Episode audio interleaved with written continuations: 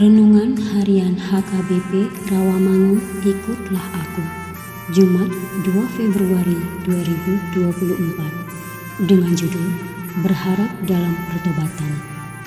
Bacaan kita pada pagi hari ini tertulis dalam Injil Lukas pasal 7 ayat 11 hingga 17 Bacaan kita pada malam hari nanti tertulis dalam Kejadian pasal 8 ayat 20 hingga 22. Dan kebenaran firman Tuhan yang menjadi ayat renungan kita hari ini tertulis dalam Mazmur pasal 80 ayat 20 yang berbunyi Ya Tuhan Allah semesta alam, pulihkanlah kami, buatlah wajahmu bersinar, maka kami akan selamat. Demikian firman Tuhan. Sahabat, ikutlah aku yang dikasihi oleh Tuhan Yesus.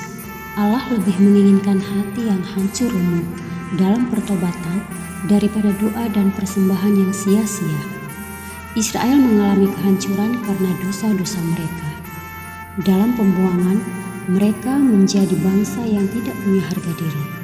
Tadinya mereka adalah bangsa yang dihormati, bangsa yang terbentuk dengan pertolongan Tuhan dari budak menjadi bangsa yang besar.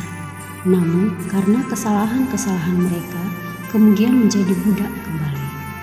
Tentu saja itu bukanlah hal yang menyenangkan. Allah menginginkan pertobatan yang sungguh-sungguh. Setiap orang bisa saja salah dalam perjalanan kehidupannya, dan setiap orang juga pasti berharap akan hidup yang lebih baik dan terberkati. Dalam doa-doa kita sering memohon akan kebaikan Tuhan yang menolong dan menopang kita. Namun, firman Tuhan hari ini mengajar kita bahwa bukan hanya sekedar doa, melainkan berdoa dan bertobat. Berdoa dan menyenangkan hati Tuhan. Menyampaikan permohonan sekaligus mengajar diri untuk tidak melakukan dosa-dosa yang melukai hati Tuhan. Hati yang memuji Allah adalah hati yang menghormati anugerah Tuhan dan memandangnya dengan. Tuhan pemurah, namun anugerahnya bukan murahan. Oleh karena itu, bermohon berarti bertobat. Sebagaimana hati yang senang bersuka cita, wajah akan bersinar. Demikianlah Allah yang disenangkan dengan pertobatan kita, wajahnya bersinar akan kita.